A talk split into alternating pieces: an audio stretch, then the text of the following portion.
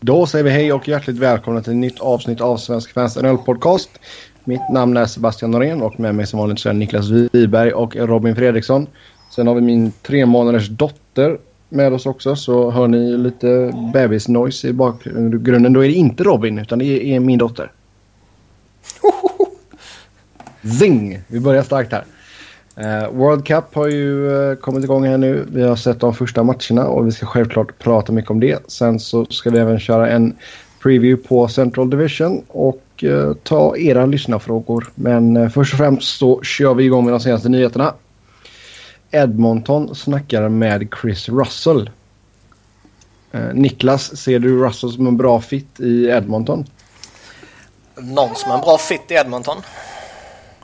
Nej, det är i och för sig sant. Alltså, försvaret har ju varit akilleshälen ganska länge nu men gör Russell den försvarsuppsättningen mycket bättre?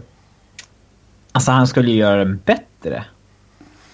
Ja, det är klart. Det skulle han ju. Det är fortfarande, alltså, problemet med Russell är ju inte spelaren Russell utan problemet är ju kontraktet som det har pratats om. Mm. Nu verkar det ju som att det kommer röra sig om ett ettårskontrakt på 4 till 5 miljoner.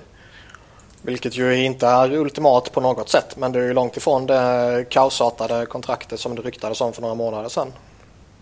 Ja, herregud. Och han skulle ha ett fyra eller femårskontrakt på fem miljoner. Ja, har man capspacet då så spelar det egentligen ingen roll. Nej. Nej. Nej, men du, som sagt, du vill ju inte signa honom på term. Om vi tittar lite på backarna som de har. Eh, kan gå igenom dem snabbt här bara. Men det var ju Säckara då, så Kleffbom och Larsson. Darnell Nurse, Mark Fane och sen har du ett år kvar med Andrew Ferens. Och han är bra. Han kommer inte spela ju. Nej. Nej. Så, Nej, men det, är ju eh, klart Russell går in där och gör backbesättningen bättre. Tycker jag i alla fall. Går han in i ett tredje par där då eller? Eller han som topp fyra? Oh, den... Äh, jag menar, Sekara, Klebom, Larsson är tydlig i topp tre vet, vissa gillar ju Brandon Davidson. Jag kan inte riktigt uttala mig.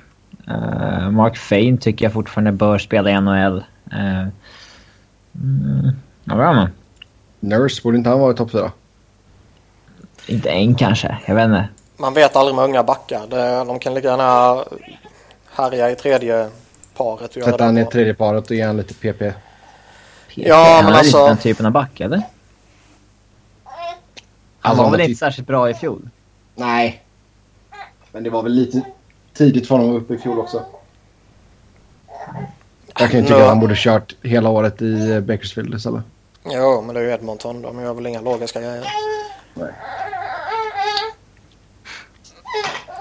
Daska till henne så blir hon tyst. Ja, ja, det blir nog bara värre då. Har du provat alltså? Nej. Uh, sen uh, Dennis Seidenberg, han spelar ju World Cup just nu i UFA och uh, Ottawa och Calgary följer honom tydligen. Vart uh, ser ni Seidenberg landa? du får muta din mick nu. Micken. Ja, jag ska göra det. ja, inte snart utan när. Så fort jag pratar klart. ah, vilken jävla kaos. jag lyssnade knappt på honom, men Seidenberg. Jag tror han sa något om Ottawa Uh, någonting om Seidenberg, någonting om Calgary. Uh, ja, de två ska ju följa honom. Uh, ja. Den eminente Steve Simmons hävdar att han kommer signa med Ottawa efter World Cup. Mm. Jag vet alltså. Hur bra är Seidenberg idag? Jag kan ju tycka det är udda att man inte vill förlänga med Virchurch, men man vill gå efter Seidenberg. Visst, det är väl skillnad på pris och så vidare, men herregud ja, liksom. Alltså. Uh, ja, det förvånar mig. Ja, men jag menar, det, alltså qualifying offer på ja. Virchurch skulle väl ha varit högre än vad de signar Seidenberg för. Mm. Alltså, det förvånar mig ändå att Seidenberg inte... Han kanske har haft för höga krav. Mm. Uh, men alltså, ett, han är ändå tillräckligt stort namn för att jag trodde att han skulle vara signad vid det här laget. Liksom, ett år på en och en halv eller ett år på två liksom, mil. Mm. Eh, men han kanske tror att han är för bra för det. Så man vet inte. Men det är väl någonstans där han kommer tvingas signa, eller liksom ännu lägre. om man vill spela vidare nu. Han har ju varvat eh, kvaliteterna, eller vad säger man, prestationerna rätt saftigt under de här matcherna som har spelats. Uh, hela Europa var ju faktiskt bra mot USA. Men uh, träningsmatcherna var ju inte alltid jättevackert. Nej. Ja. Sen uh, lag har hört sig för med Montreal angående Nathan Belliot. Och Montreal sägs kunna tänka sig använda honom för att få in en topp 6 left-winger. Alltså har han verkligen det värdet längre? Ja, jag tvivlar alltså. Jag tror mycket alltså, väl man skulle fått det. Ja. Ja, men det där... Det, ja, det funkar ju på tv-spel, men jag vet inte fan om det bara går att liksom slänga ihop halvdana bitar och så får man någonting jättebra liksom. Det beror på vem du pratar med. Spel, alltså, så, folk skulle ju liksom vilja ha Nathan Beaulieu. Inget snack om saker, men... Jag tror inte det räcker med typ så här Nathan Beaulieu, Jakob Delaros och typ ett tredjerumsval för att få in en topp 6-forward. Liksom. Tror du inte på Delaros? Nej, jag hoppas att han går dåligt, men... uh, jag har ju hört att han är en större talang än William Nylander. Mm. Vem var det som sa det? Ja, vem fan tror du? Sebbe? ja, det är i och för sig en fullt logisk gickning. Men... Jag ger inte Credda inte med med den. Credda? ja, eller du sa väl det. Attri attrib attribute. Mm. Göteborg har gjort 1-0 på straff Sebbe. Sådär ja, boom boom. Emil Salomonsson. Mm, han kan skjuta straffar den pojken. Nej, bra. Emil till landslaget. Så, tillbaka till hockeyn. Um, nej men vad alltså säg att du får offra ett andra rundsval då. Jag vet inte fan det räcker alltså. Det beror på vad man ser som en topp 6-forward. Jag skulle väl tycka att Chris Verstig är på gränsen till att vara en topp 6-forward. Ja, ah, du menar han som är på PTO med Edmonton? Mm. mm. Nej, men han skulle definitivt kunna komma undan med i topp 6. Det är skillnad på topp 6-forward och topp 6-forward. Ja, herregud. Ja, det beror alltså nu vet vi inte vilka lag det är heller det snackas om så. Om inte Niklas har någon inside info. Jag har ingen info fortfarande inte det är fortfarande inte särskilt logiskt för Edmonton att vilja offra en av sina få unga lovande backar mot eh, topp 6-forward. För övrig backsida ser fan... Montreal pratar vi om nu. Mm. Sa... Montreal Canadiens. Mm, du sa Edmonton. Sa Edmonton? Ja. Mm. Ja, jag menar Montreal Canadiens. Mm. Yes. Ja, vi får se vad som händer där helt enkelt. Nikita Nikitin är ett minne blott i NHL. Han har skrivit eh, kontrakt i KHL med Avangard Omsk. Ett eh, ettårskontrakt. Jagers gamla lag va? Ja. Det är hans gamla lag också. Mm. Men eh, ja. ja det kändes som han hade kvaliteterna för att ändå hålla sig i NHL men... Eh, Nej, Sen hamnar han i eh. Edmonton. Men det känns som han hade ändå toolsen för att vara där. Jag vet inte om han inte var liksom tillräckligt bra karaktär eller... För liksom han lyckades ju aldrig hålla sig någonstans. Nej, alltså när jag såg honom. Nu fick jag lyxen då att se honom live ett antal gånger förra säsongen i AHL. Och nej, han har ingenting att göra i NHL. Men det är många sådana här som hamnar i AHL och där, där skiter de ju i vilket liksom. Ja, men han försökte ändå så. Det, kan man, det får jag ge honom. Alltså, för han blir ju för, fortfarande förbannad ifall det var någonting som gick fel och sådär. Så glöden har han, men nej, kvaliteten är inte där. Eh, så ja, vi får se. Förhoppningsvis för honom så går det bättre i Ryssland. Sen har vi ett gäng nya PTOs. Eh, Tomo Rotto och James Shepard i Vancouver. Anders Lindbäck i New Jersey. Niklas Grossman, Calgary. Steven Gionta, New York Islanders, Dan Cleary, Detroit och sen eh, snubblade in, eh, ska vi se vad vi mer? Thomas, Thomas Fleischman i Minnesota. Mm. Alltså, man ska inte håna för mycket för att som vi sa förra avsnittet så är det ju... det finns vissa regler under preseason att x antal veteraner måste delta i varje match och lagen har det tufft nu eftersom vissa lag har många spelare som är på World Cup. Um... Däremot hörde jag häromdagen, eller hörde, läste häromdagen att ligan kommer att tumma lite på de reglerna under den här försäsongen. Mm. Ja, mm. Men de existerar ju ändå fortfarande. Ja. Alltså, och det är där det är därför vissa har fått PTOs, inte bara i den här sommaren utan liksom tidigare sommar också. Men grejen är att eh. alla de här är ju fullt rimliga. Alltifrån Ruto, Shepard och Lindbäck, liksom uh, Embrace the Tank om de vill det i New Jersey. Till Grossman och Jonta och Fleischman i synnerhet är ju väldigt rimligt. Men Dan Cleary finns det ju ingen som helst logik bakom.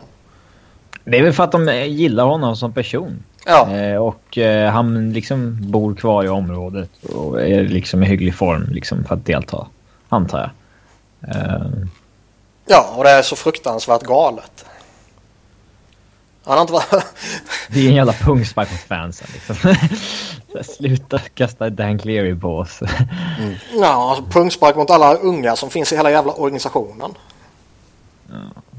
Alltså, ja, jag tycker inte att det är su super, super märkligt, men alltså ska man ta in någon på PTO, du ta in någon som liksom i alla fall har en promilles chans att alltså, spela till sig ett kontrakt. Sy syftet med att ta in en PTO, om man bortser från det här att man kanske bara behöver fylla ut en rosterplats eh, som det kan vara denna försäsongen, det är ju att antingen har du ett behov av en spelare till och du vill se, ja, se honom på nära håll liksom innan du skriver ett kontrakt med honom. Eller så vill du ta in en veteran för att pusha dina egna unga spelare. För att liksom om, signalera till dem att om inte ni klarar att ta en plats på egen hand så har vi den här snubben tillgänglig. Men du fyller ju inte något som helst syfte med att ta in Dan Cleary. Om han nu är en sån fantastisk karaktär så som vi har sagt förut, gör honom till coach liksom. Gör honom till maskot, gör honom till någon säkerhetsvakt, gör honom till vad som helst. Men liksom sätt inte ut honom på uh, i truppen liksom. Grossman då? Vem? Grossman. Ja, alltså det är väl inte alls orimligt att han får PTO. Nej, Nej men vadå, han skulle kunna vara sjunde back i Calgary eller? Nej, men... Uh, det är inte... Calgary är fortfarande rätt bra backsida. Ja då. Precis. Men jag tycker väl att, som sagt, att han får PTO. Det tycker jag... Alltså jag skulle ju aldrig vilja signa honom till mitt lag. Men jag tycker inte alls det är orimligt att, uh, man, att han är den veteranen som man plockar in. För han bör ju rimligtvis, uh, om han inte är helt verklighetsfrånvänd, känna att oj, jag kanske måste prestera som fan för att vara kvar i ligan. Mm. Och ta in en sån då för att kanske sätta press på en Jyrki Jokipakka eller något sånt där. Det kan ju vara jättefördelaktigt. Men jag skulle väl inte säga att de behöver honom på det sättet. Alltså för att eh, fylla ut backbesättningen. Liksom. Jag signar ju hellre Chris Russell på ett år än vad jag signar Grossman. Ja. Mm. Det kan vi nog alla skriva under om. Ja, och sen då Anders Lindbäck eh, skadade sig under fjolårssäsongen i Arizona och nu PTO då i New Jersey. Men eh, det känns väl som att de har det helt okej okay ställt på målvaktspositionen redan. Corey är ju bara trea i USA va? Ja. ja. Mm. Nej men alltså även om man tittar bakom Corey Snyder så jag menar Kincaid och Lindbäck det känns ju... Kincaid har ju varit bra som tvåa. Mm. Ja. Uh, och sen i systemet så har du väl ett par ganska lovande killar också. Mackenzie Blackwood till exempel. Ja. Jag förstår men... Mm. Kanske det. Mm. Um, sen Sean Horkoff lägger av. Han um, gjorde 12 säsonger i Edmonton. Sen blev det två säsonger i Dallas och en säsong i Anaheim. Han gillade Niklas som fan en gång i tiden. Och så ett gästspel i Mora också under lockouten 04-05. Han fick tokspö av Johnny Odoja i Globen. Uh, gilla som fan är väl förmodligen ett starkt uttryck. Men uh, jag tyckte han var en väldigt kompetent spelare. Men det var ju många år sedan såklart. Ett annat uttryck. Uh? det är ett annat uttryck. Han var väl en kompetent spelare. Ja. Eh, nej, men det är klart han var duktig och jag menar...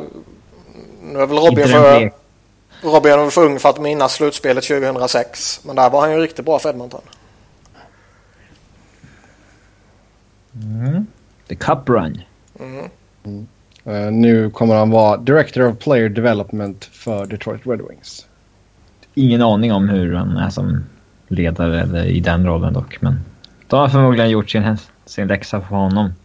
Ja, Mm. Speciellt när de eh, tar in honom liksom utanför organisationen sådär. Det är liksom ingen av deras egna de tar upp. Så att, Nej, det är sånt. men ändå Ken Holland som gör det. Så vem fan vet om det är vettigt eller inte. Mm. Ja, Eh, Steven Robida kommer jobba som scout för Toronto. ja, men inte lagt av. Officiellt. Nej. För Då får hans capita räknas och han får inga pengar. Ja. Det är, Så, men det är, det är ju parodi när han liksom dyker upp på training camp i liksom coachjacka och har scouting-pärm med sig. Liksom. Ja. Men, men det är som det är. Nu när reglerna är som de är så blir det så här. Sen Men det blir alltså grejen att de, ja. de, utnyttjar, de utnyttjar sina spelare på det sättet. alltså Chris Pronger gjorde ju, scoutade ju för Flyers till exempel. Ja, men varför inte? In, innan uh, ligan anställde Någonting kan han väl göra för att få skäl för lönen liksom. Ja, exakt. Så det, det är väl rätt, alltså så länge möjligheten finns så är de ju dumma att inte utnyttja den. Mm. Sen går det rykten om att Michel Therrien ska ha kallat match Patchy Rätti för Tinas sämsta lagkapten i Montreal. Eh, Han förnekar väl det här, eller? Mm. vad sa du? Han förnekar, Han väl det förnekar. här? Eh, ja, alltså snacket som går är att han ska ha sagt det på, eh, alltså off the record på någon jädra eh, golfbana eller någon, någon sån här grej liksom inför typ 10 pass. Och så ska en av de här ha sagt det till eh, Sin någon- polare och så har det gått ut. Nej, men kontaktat en journalist. Eller så var den här journalisten med. Jag vet inte riktigt vad som stämmer. Ehm, och så lägger han ut det då. Och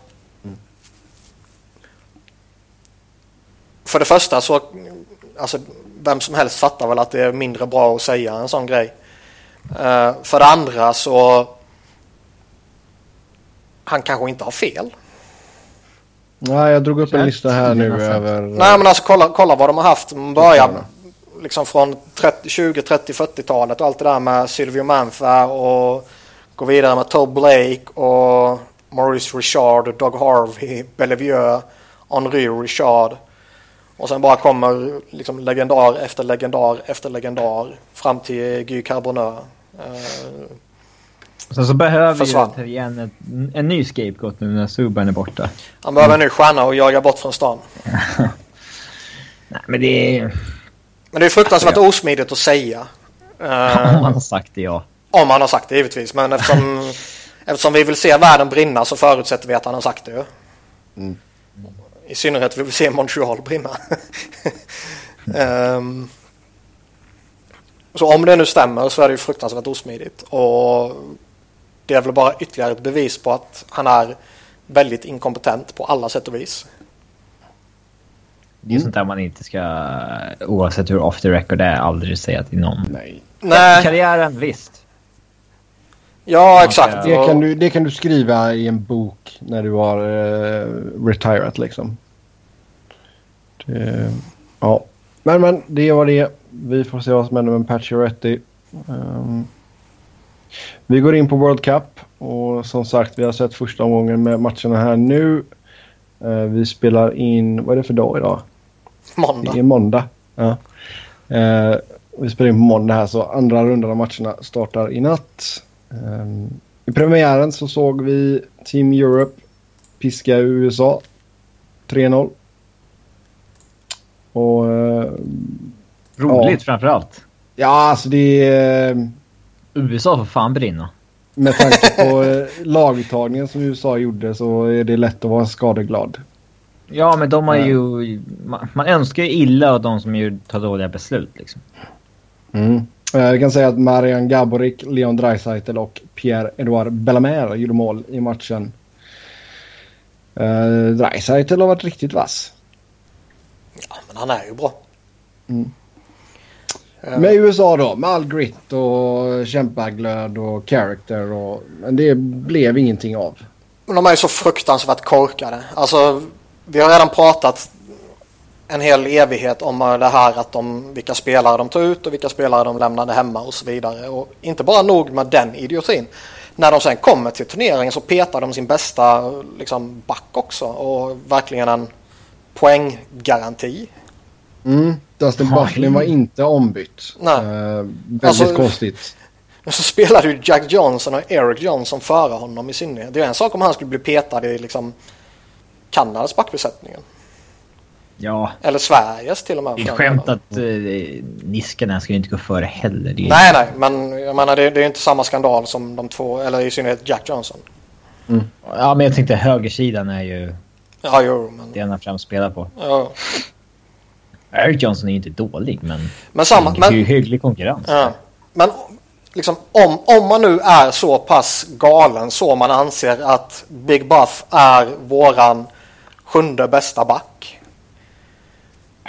Okej, hå- håll han utanför backbesättningen då, men gör han som, sätt in han som forward. Ha med honom Ja, där, spela honom i powerplay liksom. Han skulle lika väl kunna vara forward i det laget ju. Istället för att bröka omkring med liksom Abdelkader eller Dubinski eller uh, Callahan som man hade med från början då liksom. Istället för att ha sådana eh, spelare som kanske inte är dåliga så sett men som inte har i ett World Cup-lag att göra. Så ställer man ärkepajasen Jonathan Quick i mål. Ja, Ja, nu var det ju knappast Quicks fel att det blir torsk här men... Eh, Nej, alltså man, man, man, kan, man kan göra go goda, goda argument för att han ska vara deras tredje målvakt. Framförallt Corey Schneider ska vara rätt given första. Det här måste ju vara någon av... eh, jag, jag, jag vet inte vad jag ska säga. Sebbe erkänner att alltså- Quick inte är bra. Nej, jag säger inte att han inte är bra men jag säger bara att han är tredje bästa av de målvakterna som USA har plockat ut. Framförallt med den säsongen de har i ryggen. Liksom. Ja, herregud. Det är, men alltså det är väl ännu ett bevis på att det är Tortorella och Lombardi som styr detta och... Ja, Men alla, alla, vis, alla Mm, visste ju att han skulle vara första målvakt redan när han blev uttagen. Liksom. Det var ju så givet med tanke på hur det gick eh, senast. Eh, när han faktiskt var duktig för dem. Och Mm. eh, med tanke på att han har ett eh, väldigt boostat rykte och anseende. Eh, med tanke på vilket lag han har spelat bakom så att säga. Men som sagt, inte hans fel att det blir torsk i den här utan det var utespelarna som svek. Ja, man, herregud du kan ju inte hänga en målvakt när du gör noll mål framåt. Nej. Sen gjorde han väl, han var väl inte fantastisk på något sätt så. Men det var inte han som var problemet. Nej. Problemet är ju Tårtan och Lombardi. Och, eh, man måste ju i ärlighetens namn säga att nästan alla av deras liksom mer eh, tunga offensiva namn var ju faktiskt väldigt bleka. Patrick Mm. Kane Ja. gjorde ju väldigt lite och Zach Parise såg man ju knappt till. Joe Pavelski märktes knappt. Blake Wheeler såg man ju knappt till heller. Zach Parise är ju väldigt sällan osynlig. Mm. Det krävs, Eh, det krävs, det krävs Tortorella för att få honom osynlig. Ja, exakt. Nej, men jag tycker ändå alltså Europa gjorde ju ett bra jobb att dra ner tempot så att det passade dem. Jo men herregud alltså. och sedan, men sen alltså USA visst de försökte tacklas och sådär men det gav ju liksom ingen effekt. Och sen sitter Tortorella efter matchen och klagar på att vi inte skapade tillräckligt många kvalitativa målchanser. Det är bara att titta vilka spelare han har ju. Mm. Och Ja, sen, sen tycker det är ju verkligen bedrövligt att man inte lyckas åstadkomma betydligt mer mot en backbesättning som har Christian Ehrhoff, Dennis Seidenberg och Mark Streit. Som alla tre egentligen ska ha jätteproblem med motståndarna. Mm. Mm, Chara har ju... Ja, Halak var helt okej och det är en duktig målvakt. Och Chara lyckas ju faktiskt knäppa på den där och, och höjde sig rejält från träningsmatcherna. Mm. Josie vet vi är duktig och Secker är ju en klart kompetent back också. Men de tre andra som spelade ska ju inte ha någonting att säga till om när de går upp mot liksom Kane och Parisi och Pavelski och det gänget. Nej, exakt. Nej, nej, alltså Seidenberg, om vi tittar lite på minuterna här så Seidenberg lirar ändå så 19,5 minut. Ja, Eroff fick nöja sig med drygt 13. Så ja, nej bra gjort av Europa som sagt. Och, eh, Ja, alltså man vill ju inte ta någon ära ifrån dem. Men det anmärkningsvärda här är ju verkligen USAs prestation. mm, nej, vi får se hur Europa står sig här när de tar emot Tjeckien. Den matchen börjar snart. Ja, och de kan ju... Nu har ju de faktiskt gräddfil in i semifinal Europa. Mm. Ja. Vin, vinst här och det är done and dusted så att säga nästan. Mm. Eh, Kanada piskade ju på Tjeckien ordentligt. Det blev 6-0 i den matchen. Eh, kedjan med Sidney Crosby, Brad Marchand och Patrice Bergeron. Jävlar vad det... Ja, det var inte illa pinkat av dem. Alla tre gjorde varsitt mål i första perioden. Sen hittade även Joe Thornton och hans magnifika skägg nätmaskerna och Jonathan Taves och Alex Peterangelo. Thorntons mål var ju fantastiskt fint ju. Ja, det var riktigt snyggt. Det var riktigt, riktigt snyggt. Det var en jävligt bra pass av Crosby där. Mm. Men det anmärkningsvärda här är ju egentligen att Tjeckien inte var dåliga. Nej, men alltså det är ju sån klasskillnad verkligen. Ja, ja, det är det jag menar. Det är komplement, eller eh, beröm till Kanada liksom. Mm.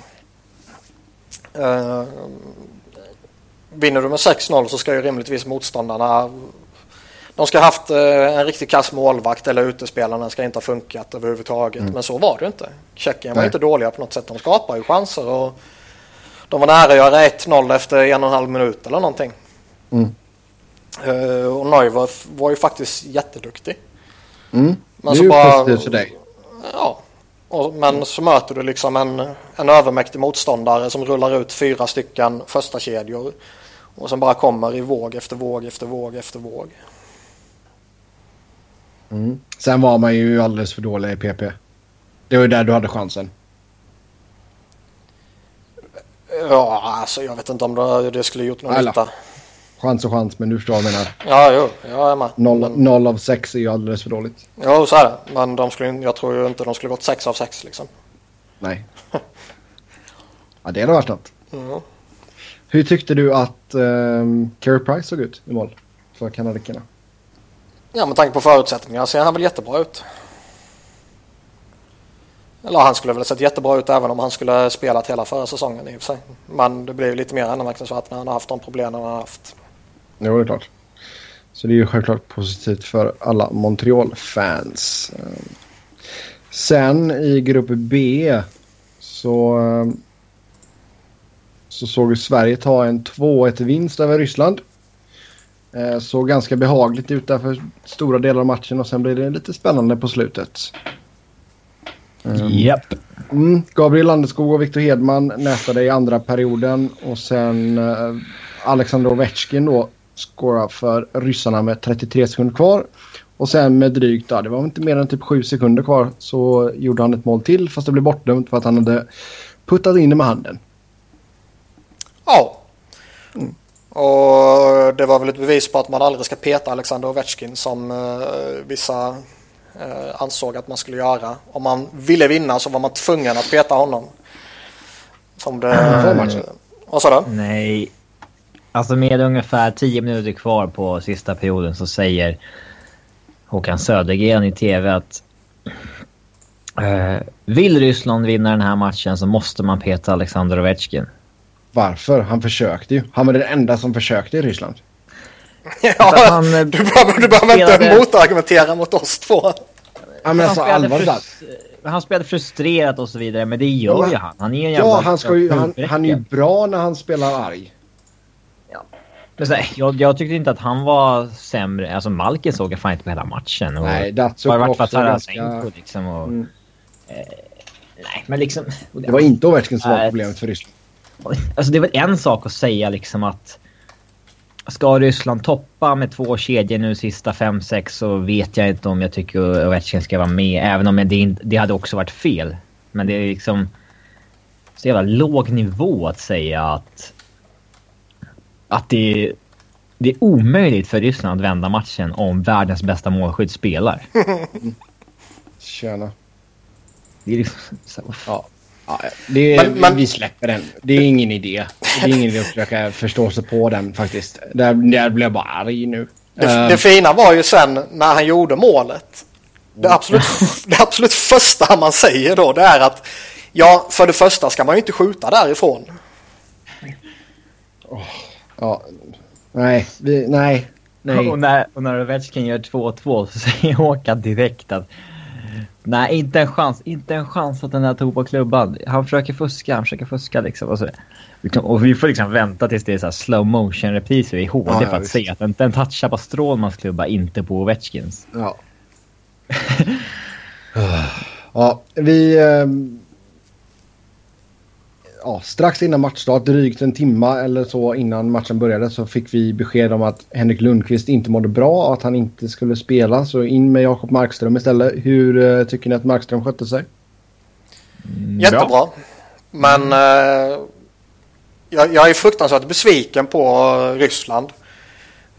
Alltså med tanke på vilka namn de har och med vilken extrem jävla talang det finns i det laget så skapade de ju på tok för få heta målchanser. Mm. Det var ju sällan, alltså inget ont om Markström, jag tyckte han gjorde en jättebra match. Men han testades inte på riktigt så att säga. Och det var ju sällan som det verkligen liksom osade hett. Mm. Vad, eh, ska vi prata lite om Sveriges mål då? Landeskog gjorde 1-0 i PP. Eh, det var riktigt snyggt, får man ju säga. Nej, inget uh, typiskt Landeskog-mål direkt. Nej, pang sa det bara. Uh, sen fick man ju lite hjälp av ryssarna som täckte sin egna målvakt. Hörnqvist på... gjorde ju bra jobb där också. Han, ja. Det såg man ju direkt ju. Han var ju taggad till tusen. Mm. Han gick in och så parkerade han ju arslet i ansiktet på Bobrovski första minuten och sen stod han där ju. Och mm. råkar lite lätt ramla över han någon gång också och frustrerar Bob lite mer. Så Thomas han var ju... Holmström hade varit stolt. Ja. Så han, han var ju verkligen på. Mm, sen Hedmans mål var ju snyggt också att han hoppar in i spelet där. Uh, Hedman var väl den bästa svensken tycker jag. Ja, han var grymt bra. Mm. Mm, så def definitivt en positiv start för svenskarna. Uh, man ska ta sig an Finland på tisdag, natt, eller natten till onsdag. Um, Gör man det med Lundqvist eller Markström? Ja du, är Lundqvist frisk så lär han nog stå. Uh, han tränade ju idag och uh, det verkar ju som att uh, han kommer starta. Mm. De skulle all, han är för stor för att petas liksom, om han är frisk. Men är, är han frisk ska han ju spela. Ja. Absolut. Ja, sen kanske han inte, om det är uppenbart att han liksom inte är i form, att han har varit sjuk, han har ju varit, ja alltså. Det kan ju finnas faktorer som gör, gör, att han liksom helt enkelt inte är i form just nu. Då är det väl en annan sak, men. Han, det är hans plats att förlora än så länge. Mm. Men alltså just mot Finland så tror jag att det spelar mindre roll om vi har Markström eller Lundqvist. Vi, jag, jag, tror inte möjligheterna... inne, så... mm. Jag tror inte möjligheterna att vinna ökar eller minskar avsevärt beroende på vilken målvakt vi har mot, mot Finland. Nej. Däremot i det längre loppet i kanske en match mot eh, Nordamerika och kanske en semifinal och förhoppningsvis en final Eh, och i synnerhet om och när man möter Kanada så behöver vi Henke Lundqvist. Jo, det är sant. Men där, mm. där är också eh. lite sådär liksom, är han inte riktigt kry imorgon då kör man ju Markström. Men om han sen, Lundqvist är pigg mot Nordamerika slänger man in han då lite halvrisig och sån mot ett lag som har imponerat något så fruktansvärt mycket. Mm. även om du vinner mot Finland och säkrar i princip semifinalplatsen så går du upp mot Nordamerika och kan mycket väl spela om att slippa möta Kanada i semifinalen. Så du kan ju inte mm, bara alltså, vifta undan den matchen. Ja. Nej. Nej, du vill inte ha Kanada i en semi. Nej. Absolut inte. Nordamerika, de uh, piskade på Finland 4-1. 1-0 efter första perioden. Jack Eichel gjorde mål där i powerplay och sen så tryckte man gasen i botten i andra perioden. Johnny Hockey, Jonathan Dran och Nathan McKinnon gjorde så att de unga spelarna gick upp 4-0 och sen hittade Valtteri Filppula målet i eh, slutändan av den tredje perioden. Eh, alltså jag måste ju säga att man är ju sjukt imponerad av de här ungdomarna. Ja. Eh... Men det visste man ju att de skulle vara bra. Alltså, det är ju inte, det är inte barn som spelar liksom. Det är ju... Det är världens bästa talanger som antingen är i början av sin prime eller på väg in i sin prime. Det är inte mm. tonår, det är inget JVM-lag liksom. Det är ändå... Ja. ja. men jag tycker det är starkt. Jag tycker alltså, samtliga kedjor såg bra ut också. De fick ju faktiskt, alltså ska man säga någonting från träningsmatcherna där de har ändå generellt sett sett jätteduktiga ut så har ju Conor McDavid inte kommit igång. Men det gjorde han ju här. Ja. Han såg ju riktigt het ut. Mm. Nej, mycket, mycket bra jobbat. Vi får se hur det går här för dem i eh, nästa match när de tar sig an Ryssland. Det är kvällsmatchen, eller den sena matchen här på måndagen. Mm. Det, ja. Nej, alltså ser Ryssland ut som mot Sverige så åker de ju på däng mot Nordamerika också. Ja. Vart hittar man spelschema och istid och sånt där bäst på? Det hittar du på wch2016.com. Snedstreck scores bindestreck schedule. Hmm. Så ja, sen eh, även på tisdag så är det ju Kanada mot USA. Så det är ju jäkla sköna rivalitetsmatcher där på tisdagen. Finland, Sverige först och sen Kanada, USA. Kanada och USA kan ju, ja, det kan ja. ju flippa så jävla hårt. Riktigt. Men vet, USA måste ju vinna. De har ju, mm. alltså de måste ju verkligen vinna för att fortfarande hoppas. Och eh, med tanke på hur träningsmatcherna ser ut och med tanke på hur Tortorella kommer försöka piska igång dem så kan ju den matchen flippa så hårt. Mm. Och Kanada kommer ju inte vika en tum ju. Det rullar lite, lite, lite quotes från Tårtan nu. Han verkar göra en intervju. Mm. Uh, uh. Ge oss några godbitar här nu Robin. Uh, Tortorella on the thinking being... vänta, Tortorella... Han svarar på varför han har satt ihop Patrick Kane med Abdelkader. Och då svarar han själv, there isn't any thinking. det är bra. Abdelkader med Kane. ja. Truer words never spoken. Mm. Herregud. Åh, oh, herregud. Jag verkligen älskar och hatar honom. Towards said applicator has had earned an increased role. Four checks, hangs on to pucks, goes to net, stays there. Out. oh. Det är så alltså, ett tecken på en dålig coach det är att han ska promota, promote, liksom, promota den som har jobbat hårt i fjärde så fort man haft en dålig match. Liksom. Men inte bara, inte bara promota, det, det kan man ju göra liksom. Att belöna bra prestationer. Men här gör han det ju för att få igång Patrick Kane. det är ju verkligen det Mm, nej, det kan bli en riktig grinig match. Alltså, säg att Kanada tar och hoppar upp en 2-3 eh, målsledning där tidigt så kan det nog spåra ganska rejält. Eh, ja, men, men så är det. Vi får se vad som händer helt enkelt. Men eh, ja, om ni ska plocka någonting från den här första omgången av matcher. I Kanada de lever upp till favoritskapet. Ja, de ska ju köra över alla i princip också. Sverige, Nordamerika, USA kanske kan vinna en av fem mot dem. Eh, förhoppningsvis ska väl Sverige kunna ta två av fem också eller något dylikt. Eh, två av tre räcker. Två av tre. Mm, ja, det, är svårt. Men... Eh, ja, det blir det.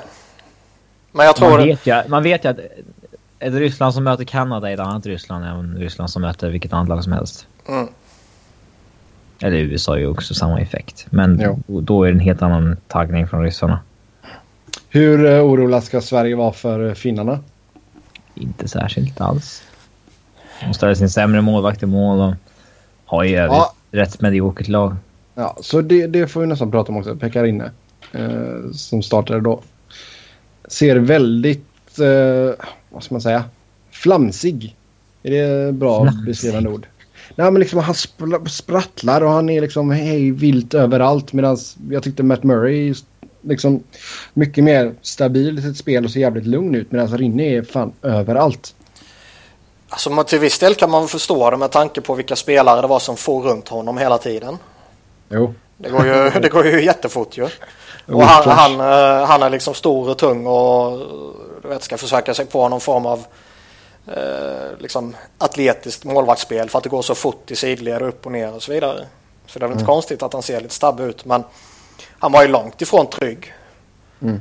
Och jag, jag skrev en tweet om det tidigare då, där jag liksom skrev någonting om att man, jag fascineras av att så många europeiska förbundskaptener inte verkar följa NHL. Alltså som man märker genom åren att de verkligen inte har någon koll på hur sina spelare presterar. Mm. Eller, eller, eller, eller då att de vet det men väljer att bortse från det och bara gå på någon form av magkänsla. Jo. Nej men sen det är ju, alltså, det är ju oroande för Nashville-fans också att han ser ut så här. För men liksom, vi är ju inte så... Alla höga förväntningar på Nashville denna säsongen. Oh ja. Men alltså, om, om, om Rinne går och spelar så här så vette fasen om det räcker hela vägen till en Stanley Cup-final. Nej, men sen var det första riktiga matchen på säsongen också så man ska väl inte måla fan på väggen ännu. Han hade ju en supersäsong 14-15. Ja. Eh, men eh, överlag så var ju ett... Pff, ja, senast var det väl 2011-2012 han var riktigt, riktigt bra. Eh, men... Mm. Konstigt val, tycker jag, att han spelar. Mm. Ja, har de sagt ifall han ska starta mot Sverige? Äh, jag vet inte. Eller om de slänger in Toka. Vinner Rask. Ska se om det står någonting på the Twitter sphere. Jag kommer säkert köra vidare med honom. Mm. Mm. 12 minuter sedan skrev någon att Tuka Rask is first goalie after practice. Rin is still on ice. Det borde väl indikera Rask i mål. Men, ja. ja. men det är bara en tweet om det från en person som har ja, 45 000 followers i och för sig. Men mm. jag trodde han var mindre. Eh, jag får se. Mm. Ja, blir det Tucka så har de nog lite bättre chanser i alla fall. Vi lämnar World Cup där och så går vi in på previewn av Central Division. Och eh, vi börjar nedifrån och upp. Colorado börjar vi med. Eh, tippas eh, i botten. Jag antar att detta är utifrån rankingen va? Eh, det är utifrån rankningen på svenska fans som redaktionen ja. har uh, satt samman. Ja, så i botten Colorado. Blir man bättre av att slippa Roa? Hur skulle vi formera deras topp 6? Och vilka yngre spelare kommer att ta för sig? Robin, du kan ju få ta den här helt enkelt. Alltså, det är ingen garanti på att man blir bättre utan Raw. Det beror helt på vad som kommer in. Uh, och vi har, ingen, vi har inte sett någonting av uh, Jerry Bednar. Så att, men uh, sen är det ju en jävligt tuff division att skrälla i. Mm. Du ska till något enormt. Även kan ju ha en säsong där man liksom spelar efter sin förmåga utan att liksom underprestera men ändå kommer rätt tydligt sist i den divisionen. Och då har man ändå inget egentligen dåligt lag på pappret. Nej, nej, nej alltså det är den tuffaste divisionen. Ja. Ingen snack om saken. nej, de är, jag skulle också sätta dem sjua på pappret i den, i den divisionen. Det är, Hur skulle du formera topp 6 i detta läget? Uh, topp 6. Jag skulle... Ja, du tjejerna man jag vet inte. Alltså det... Antingen Duchene och McKinnon ihop med...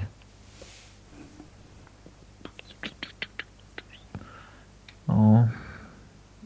Det är förmodligen ihop med Landeskog. Eh, men det är fan svårt att få ihop en topp 6 med det här laget alltså. Söderberg blir väl andra center då. Eh, och sen är det väl Blake Home och Mikko Rantanen kanske. Den stora grejen är väl om du ska antingen så slänger du väl upp det bästa du har i topp 6 eller så kör du väl eh, med ett starkt centerdjup och lirar Duchene, McKinnon, Söderberg som centrar. Mm, försöker sätta en bra vinge med varsin center i alla fall. Ja. Mm. Men ja, Mikko Rantanen eh, är skadad nu. Mm, Han kommer bli borta två till fyra veckor. Eh, och det, jag gillar ändå inte, även om han är så super, super lovande och så vidare. Det är inte kul att han liksom på pappret ska spela i topp 6. Eh, utan att ens vara den sämsta forwarden i topp 6. Eh, inför säsongen när han liksom har spelat nio NHL-matcher i sin karriär. Nej. Det, är inte, det är ingen bra känsla. Ah, samtidigt så är jag jävligt high på honom. Han kommer göra det jävligt bra för er, ska du säga. Ja då. Ja, det tycker väl jag också. Men jag håller väl med Robin i det han säger också att alltså, det, det, är ju inget styrkebesked liksom. att han det... går in så här och bara är tokgiven. Ja, nej, nej, absolut inte. Det kanske är först nästa år han liksom exploderar till. Man vet ju inte. Det... Han kan ju ha trögt första året väl. Alltså att han gör typ 10 mål och 10 assist. 20 poäng. Mm. Mm.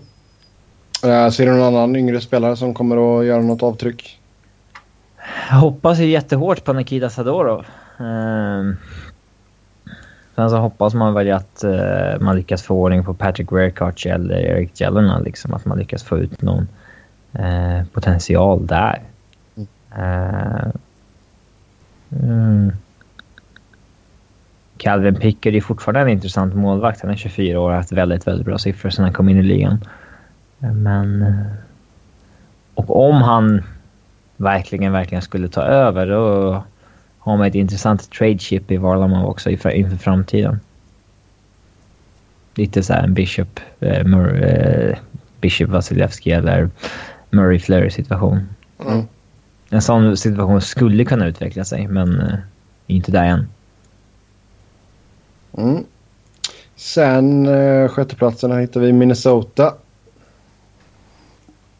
Och här är Thomas Vanek versus Erik Stahl. Vem föredrar vi?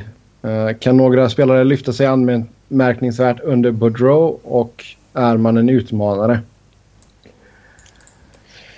Det ska ju bli väldigt skoj känner jag att följa Mikael Granlund och Charlie Coyle under Boudreau.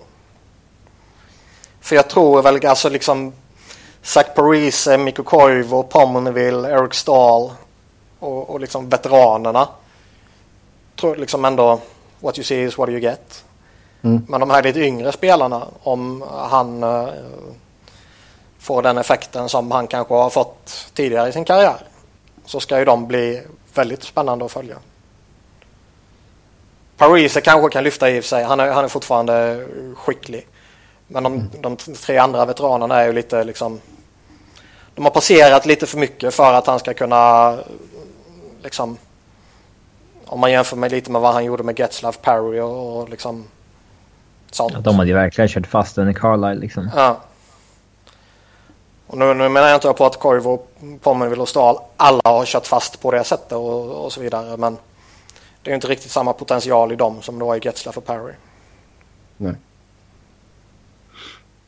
Mm. Men är man verkligen en utmanare då? Uh, alltså... Så jäkla svårt att kalla sig något lag för utmanare i NHL. Uh, liksom, det är många som kan utmana men oddsen för alla är ju rätt dåliga. Men någon kommer nog hela vägen. Uh, men det är ju. Om jag fick gissa tio lag som vinner så skulle jag nog kanske inte ha Minnesota med bland de tio. Mm. Men de skulle nog dansa på gränsen känns det som. Mm. Mm. Även, Sen... även om jag tror att Boudreau kan få positiv effekt. Mm. Men återigen som vi sa tidigare, den jävla divisionen är ju svårhanterlig att uh, skrälla i. Ja. Näst på listan sitter vi Winnipeg. Och eh, talpunkter där är vilka ungdomar tror vi tar en NHL-plats och vilka skulle vi spela Patrik Laine med? Och är man mogna att utmana redan den här säsongen? Ja. Mm, jag vet inte om man är utmanare i år. Man har inte riktigt landat i målvaktsfrågan. Men det kanske löser sig under säsongen, det vet vi inte. Uh, Connor ja, Pavlec blir skadad så ja. Alltså Connor Hellebuck var ju riktigt jävla bra för dem. Mm, han ska ju starta. Okay. Han, eh, jag skulle tycka det är anmärkningsvärt om inte han är deras starter. Men det är väl också... Det är, det är enkelt att gå den fega vägen här och hålla kvar honom eh, utanför NHL så att säga och köra med Pavlic och Hutchinson på grund av att eh, ja, man kan inte göra sig av med dem på ett annat sätt än att kanske skicka ner dem via waivers och då eh, tappar man kanske Hutchinson utan att få något för honom och så vidare. Så då tror jag att det enkla och det fega valet är att eh, behålla Hutchinson Pavlic i NHL. Men jag tycker Helleback är den klart bästa målvakten. Men kan man inte be Dustin Bufflin och ta en för laget och köra över Pavlic på träning bara? jo, det skulle vara det. Mo mobba honom lite? Uh, ja, eller hur. Men, men alltså, men... så länge de kör med honom så tycker jag att målvaktssituationen ser bra ut. Mm. Väl, väljer de att hålla honom i AHL av någon eh, anledning så blir det väl lite mer suspekt. Ja. Hutchinson kom ju in och gjorde dundersuccé i början där men har ju inte riktigt lyckats ligga på den nivån sen. Nej. Nej om vi tittar på Patrik Laine då, självklart jätte, jättestor talang. Eh, om man sätter honom i en kedja med Nikolaj Ehlers och Mark Scheifly, vad skulle ni säga om det? Uh, alltså grejen är att Blake Wheeler Mark Scheifele och Nikolaj Ehlers var ju fantastiska förra säsongen. När de eh, avslutade säsongen tillsammans så var de helt mästerliga. Och snacket som mm. går nu är väl lite att de är Winnipegs första kedja per default liksom. Mm. Och du får ändå Shai... Äh, äh, du har ändå kvar Perrault. Det, fin alltså, det finns mycket... Alltså du har Brian Little, du har Perrault du kan sätta in honom med. Du har Drew Stafford ja. som ändå gör sig bra. Och vill man verkligen gå för det så kan du slänga upp en Kyle Connor tillsammans med Line också på andra kanten. Eller Marco Dano. Mm. Uh, Brendan Lemieux kanske gör jättecamp liksom. De har ju en hel uppsjö med jätteintressanta spelare. Nick Petan, samma sak. Han kanske inte är den wingern som går in så, men liksom om man pratar spännande framtidsnamn. Um, så Jets ska ju faktiskt bli jätteintressanta att följa. Mm. Jag, av de jag tror att de... tror du kan få en plats då? Line, alltså det ska ju krävas något alldeles sjukt för att han inte ska ha en plats såklart. Ja, men han är given. Ja. oavsett vad som händer under camp och vidare. Ja, det tror jag va. Eh, Cal Connor bör ta en plats tycker jag. Eh, räknar vi in Marco Dan och bland de unga så ska ju han ha en plats också. Mm. Ja, 21. Då får man fortfarande räkna som ung. Ja, men han har ändå varit i ligan en tid ju. Mm. Eh, sen är det väl liksom, jag, jag tror inte de är jättesugna på att skicka in hur många unga som helst så att de har alla där samtidigt. Utan jag tror att man vill portionera ut dem lite sådär. Sen kanske man slänger in Line och Connor och Down och nu och så får Lemieux och Petan kanske tillsammans med en JC Lipon eller Roslovic och Chase Delay och så vidare får väl de vänta lite och stå på tillväxt i AHL kanske. Mm. Men det kan lika gärna bli så att Kyle Connor får vänta och Lemieux tar chansen. Mm, nej, absolut spännande att följa. Jag hoppas ju verkligen att de släpper fram Josh Morris här. Han är superintressant. Ja. Och mm. om de släpper fram honom så hoppas jag verkligen att de spelar honom i en topp 4-roll. Så att de spelar han och Myers och Big Buff och Truba i topp 4. Så de inte slänger in en Morrissey så han ska dras med en Mark Stewart eller något sånt Nej. Utan släng in honom och ge han bra chanser att lyckas med en Tyler Myers till exempel. Mm. Mm. Sen har vi St. Louis näst på listan här. Bättre eller sämre när man byter ut David Backes mot David Perron? Och vad tror vi händer med Kevin Shattenkirk? Pratade om jag tror att Jets kommer kunna utmana eller inte? Uh, ja, det sa uh, Robin det, det första han gjorde. Ja, då lyssnade inte jag på honom. Nej. Jag, uh, jag tror de är beroende av att de här unga kommer in och sätter avtryck direkt för att de ska kunna utmana. denna säsongen då. På sikt kommer de bli hur farliga som helst. Bara de inte tar för lång tid på sig så att Blake Wheeler och Big Buff och eh, liksom det äldre gardet hinner bli lite för gamla. Mm. Och sitter på dåliga kontrakt och håller dem tillbaka. Ja. Ja. Men inom de Mm. närmsta två, tre åren så tror jag Jets kommer vara farliga. Ja. Japp, japp, japp. Ja, St. Louis då. Var det ett uppköp med att ta in Perron istället för Backes? Nej, det tror jag nog inte. Nej, jag skulle, jag skulle väl föredra Backes som spelare. Däremot så skulle jag väl kanske föredra Perrons kontrakt. Perrons kontrakt på Backes hade ju varit det bästa. Eh, Eh, Backes signade ju med Boston för ganska saftiga pengar. Ja, och nu får de eh, Perron för två år på strax under 4 miljoner. Och det... Backes är ju fortfarande en väldigt duktig spelare och kommer göra nytta för Boston. Men Jo, men fem år, sex mille i average liksom. ja, det är lite overkill. Det är inte alls bra. Ja, man har alltså Perron två år, 3,75. Mm. Alltså han är ju inte den som går in och lyfter dem på något sätt så utan det är fortfarande Tarasenko och Sten och Jaden Schwartz och eh, liksom backarna de har som måste göra det här. Mm. Uh, Chattenkirk då, det har ju ryktats länge om honom. Ett år kvar på kontraktet, sen blir han UFA. Just nu sitter han på 4,25 miljoner. Han vill nog upp en hel del på det. Vad händer med Chattenkirk egentligen? Han kommer väl bli tradad. Det mesta tyder väl på det. Mm. Ska man försöka få in en ersättare då eller blir det att man får... Ja, jag vet inte riktigt hur man ska lösa detta. Var ska man, vad ska man gå efter om man är St. Louis? Alltså det känns väl som att oavsett om de får en, eh, en toppforward eller en toppback i utbyte. Eh, och då menar jag oavsett om det är en klar spelare eller om det är prospect så, att säga, så Mm. skulle det väl kanske kvitta egentligen.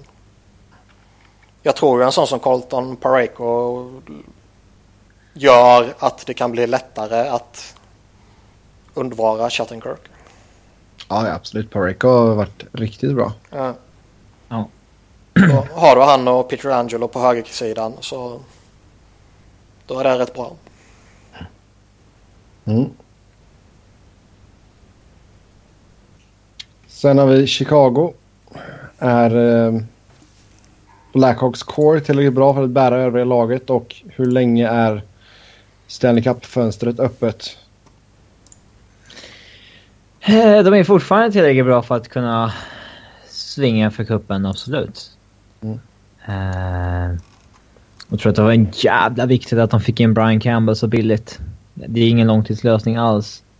Eh, Nej, men en och en halv mille på ett år är ju, det Ja, är ju lyx. Det är fantastiskt lyx. viktigt. Det är ju jättebra ju. Men tittar man på deras forwardsbesättning så bottom six ser eh, suspekt ut. Vad gillar du inte Jordan Tutu? Nej men liksom, alltså man vet ju inte. Nick Schmaltz kanske går in och så gör han dundersuccé. Ryan Hartman kanske gör dundersuccé. Men när man i dagsläget så ändå får se dem som lite frågetecken så är det ju typ Marcus Kryger som är din mest pålitliga bottom six-spelare. Mm. Och det är ju med all respekt för Robins kärlek till Kryger så är det ju inte jättebra. Det, liksom hela deras djup har ju utarmats lite år för år, år, för år liksom. Ja, Um, brukade ha tre bra backpar, nu har de två. Med nöd och näppe fick de ihop två nu liksom. Eh, Och de har åtminstone alltid haft tre kedjor som har kunnat leverera. Och sen en Kryger som har hållit ihop fjärde själv. Eh, men nu börjar det fan se tunt ut alltså. Då räknar man ändå med Hossa som en bidragande spelare och han är 37 bast nu. Eh, och börjar... Mm, tackla av lite. Jag vill ju tro att han fortfarande kan hålla en hög klass för han är en jävla underhållande spelare. Eh, så vi får se. Han kan ha ett bounceback-år ändå. Alltså målskyddsmässigt sådär. Mm. Uh, ja, men det känns inte alls som en spelare som kanske går på typ 75% under grundserien och sen försöker kicka igång det ordentligt i slutspelet. Ja, kanske. Jag vet inte. Jag, jag tror alltså jag, Hossa på sikt är ju ett jätteproblem. Eller rättare sagt mm. Hossas kontrakt på sikt är ett jätteproblem. Uh, men jag tror väl att denna säsongen tror jag ändå han kommer vara liksom bra. Mm. Sen är han ju inte den Hossa som han en gång var. Nej, det är han är ingen 40 mot skytt, nej. Mm. Men hur länge ser ni att fönstret är öppet då? Två, tre år? Fyra år? Så det beror ju på lite. Jag tror att en sån som Duncan Keith kommer åldras bra. Jag tror att Brent Seabrook kommer åldras sämre. Jag har redan börjat åldras dåligt. ja. Faktiskt. Jag tror att Patrick Kane kommer vara en uh, väldigt duktig spelare i flera år till. Uh, Jonathan Tapes är väl fortfarande en, en OK spelare men tydlig nedgång liksom. Och samma sak med Hossa. Han är fortfarande bra men också på nedgång. Mm. Ja, nej men sen, alltså, sen har du ju de här kontrakten också. Alltså, som du sa, Hossas kontrakt blir ett problem i det långa loppet. Och sen har du ju då både Kane och Taves på 10,5 miljoner. Så det är ju... Så Seabrook på nästan 7. Så jag menar, det käkar ju upp en hel del pengar ändå. Corey Crawford på 6. Men det är ju liksom lite... Bowman har ju kommit undan rätt bra om man jämför med Lombardi i LA. Mm. Uh, nu har väl Lombardi kanske gjort lite mer sådana hårda uppenbara misstag med typen Dustin Brown. Men man mm. börjar ju kunna få lite samma vibbar kring Bowman att eh, liksom man betalar lite för mycket och lite för generöst i både pengar och, och term till spelarna som var med och gjorde grejen liksom. Ja, med tanke på att du har Lombardi i USAs lag där. Förvånansvärt att inte Dustin Brown kom med. Mycket mm. grit, mycket heart där. Ja, fick med Quick i alla fall. Quick ska vara med som tre. Nej, han är typ sjua. Ja, jag räknar upp sex amerikanska målvakter som är bättre. jag hörde du Sebbe tänkte där. Nej, jag har faktiskt på. Jag, stå, jag gav Stella hennes napp här så att inte hon ska börja böla. För hon vaknade precis från en liten napp här. Kanske har märkt hur tyst jag har varit. Vi får se vad som händer nu. Riktigt illa att skylla på din dotter på det här sättet liksom. Uberknas här i slutet. Men eh, det här med att det är en tuff division gäller ju även Chicago. Ja, ja absolut. Att fortsätta åka på liksom... Alltså de var ju lite skakiga redan... Nej, de var lite skakiga redan förra säsongen. Mm. Mm. Nej, men alltså, de kan absolut mycket... missa slutspel. Liksom. Det är absolut ingen garanti. Nej. Nej, jag skulle säga att... Man det... med att Crawford har varit jävligt bra senaste åren också. Om han har ett mm. off-år, då kan, då kan det också bli svettigt alltså. Mm. Lite han har legat... Darling. Han har legat över 92, han har legat på 92,4 två år i rad. Och det är ju, mer än så kan man inte förvänta sig. Eh, eh, har han ett off-år, då kan det kan bli tungt. Eh. Då kliver Lars Johansson in och briljerar. Mm. Mm. 29 år ung. Alltså, kommer Panarin vara lika bra i år igen? Ja. Ah. Det är ju ingen sophomore slump på den pojken. Men det är 30 baljor igen, tror du?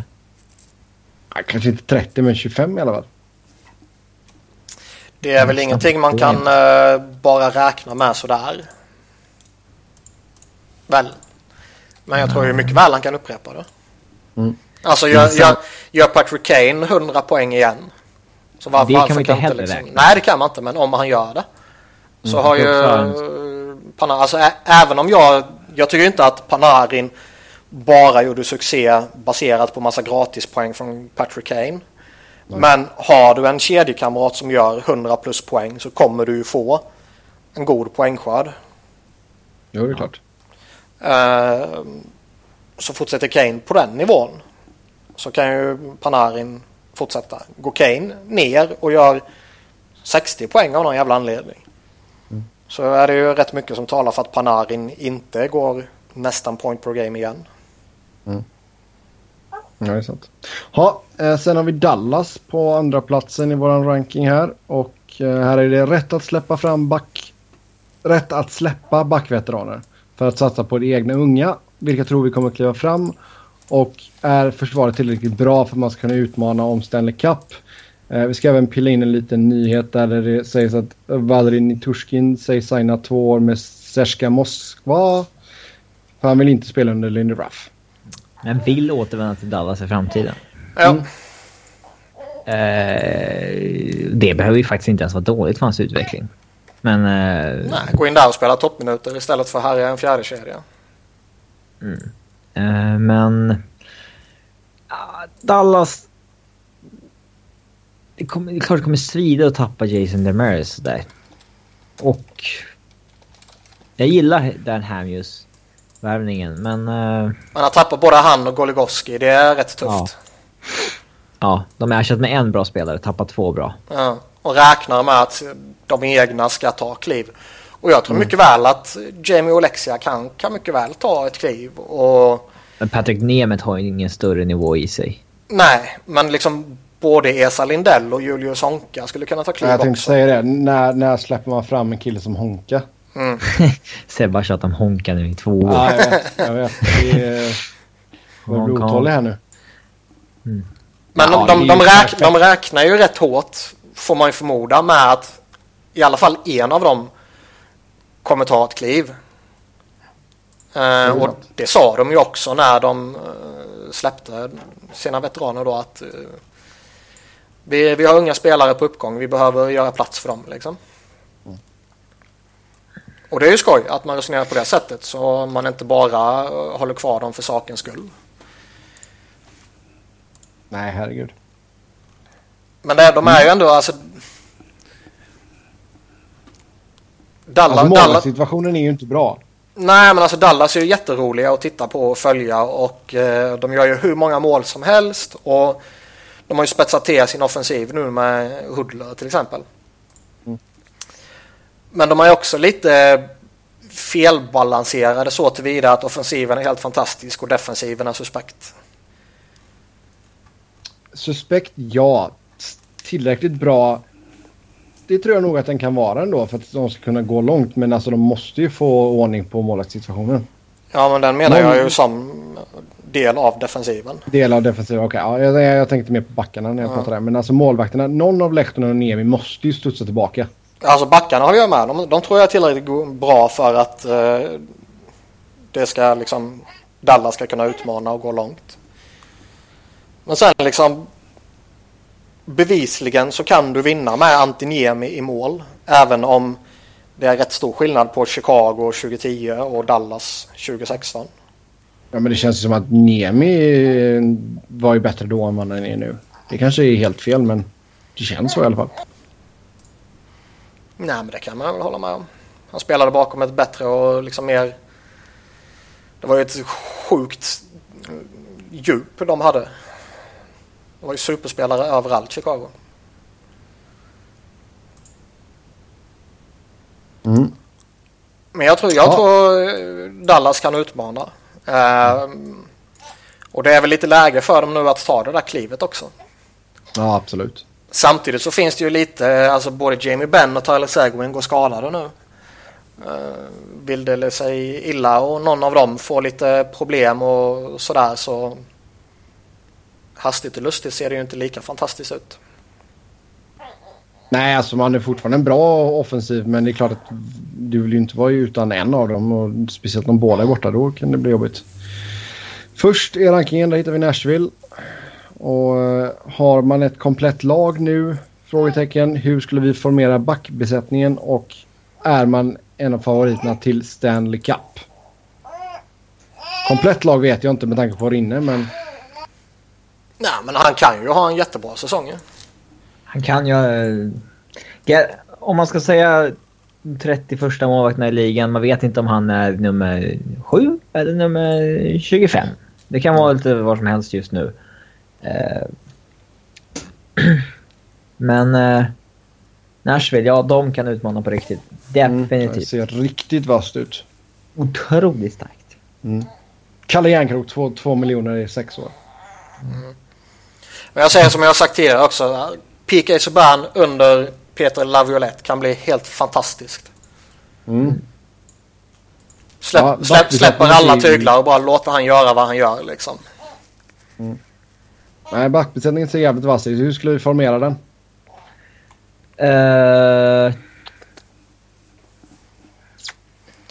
det är ju Jag skulle- att välja ja. mellan Josie Subban eller Ekholm Subban och Ellis Josie eller Josie Subban. Det är, Men jag skulle nog ändå vilja ha Subban och Josie i varsitt par.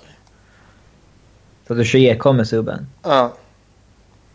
Och sen när det är liksom eh, nyckelsituationer så slänger du ut både Josie och Subban såklart ju. Men alltså jä- jämför Anaheim när de var som bäst för några år sedan med Pronger och Niedermayer. De hade ju Pronger på isen 30 minuter och sen hade de Niedermayer på isen de andra 30 minuterna. Ja, då är man ju unstoppable. Ja. Och lite nå- någon form av light-version. I alla fall än så länge. Det kanske blir ännu bättre. Men kan man ju se i Subban och Josie.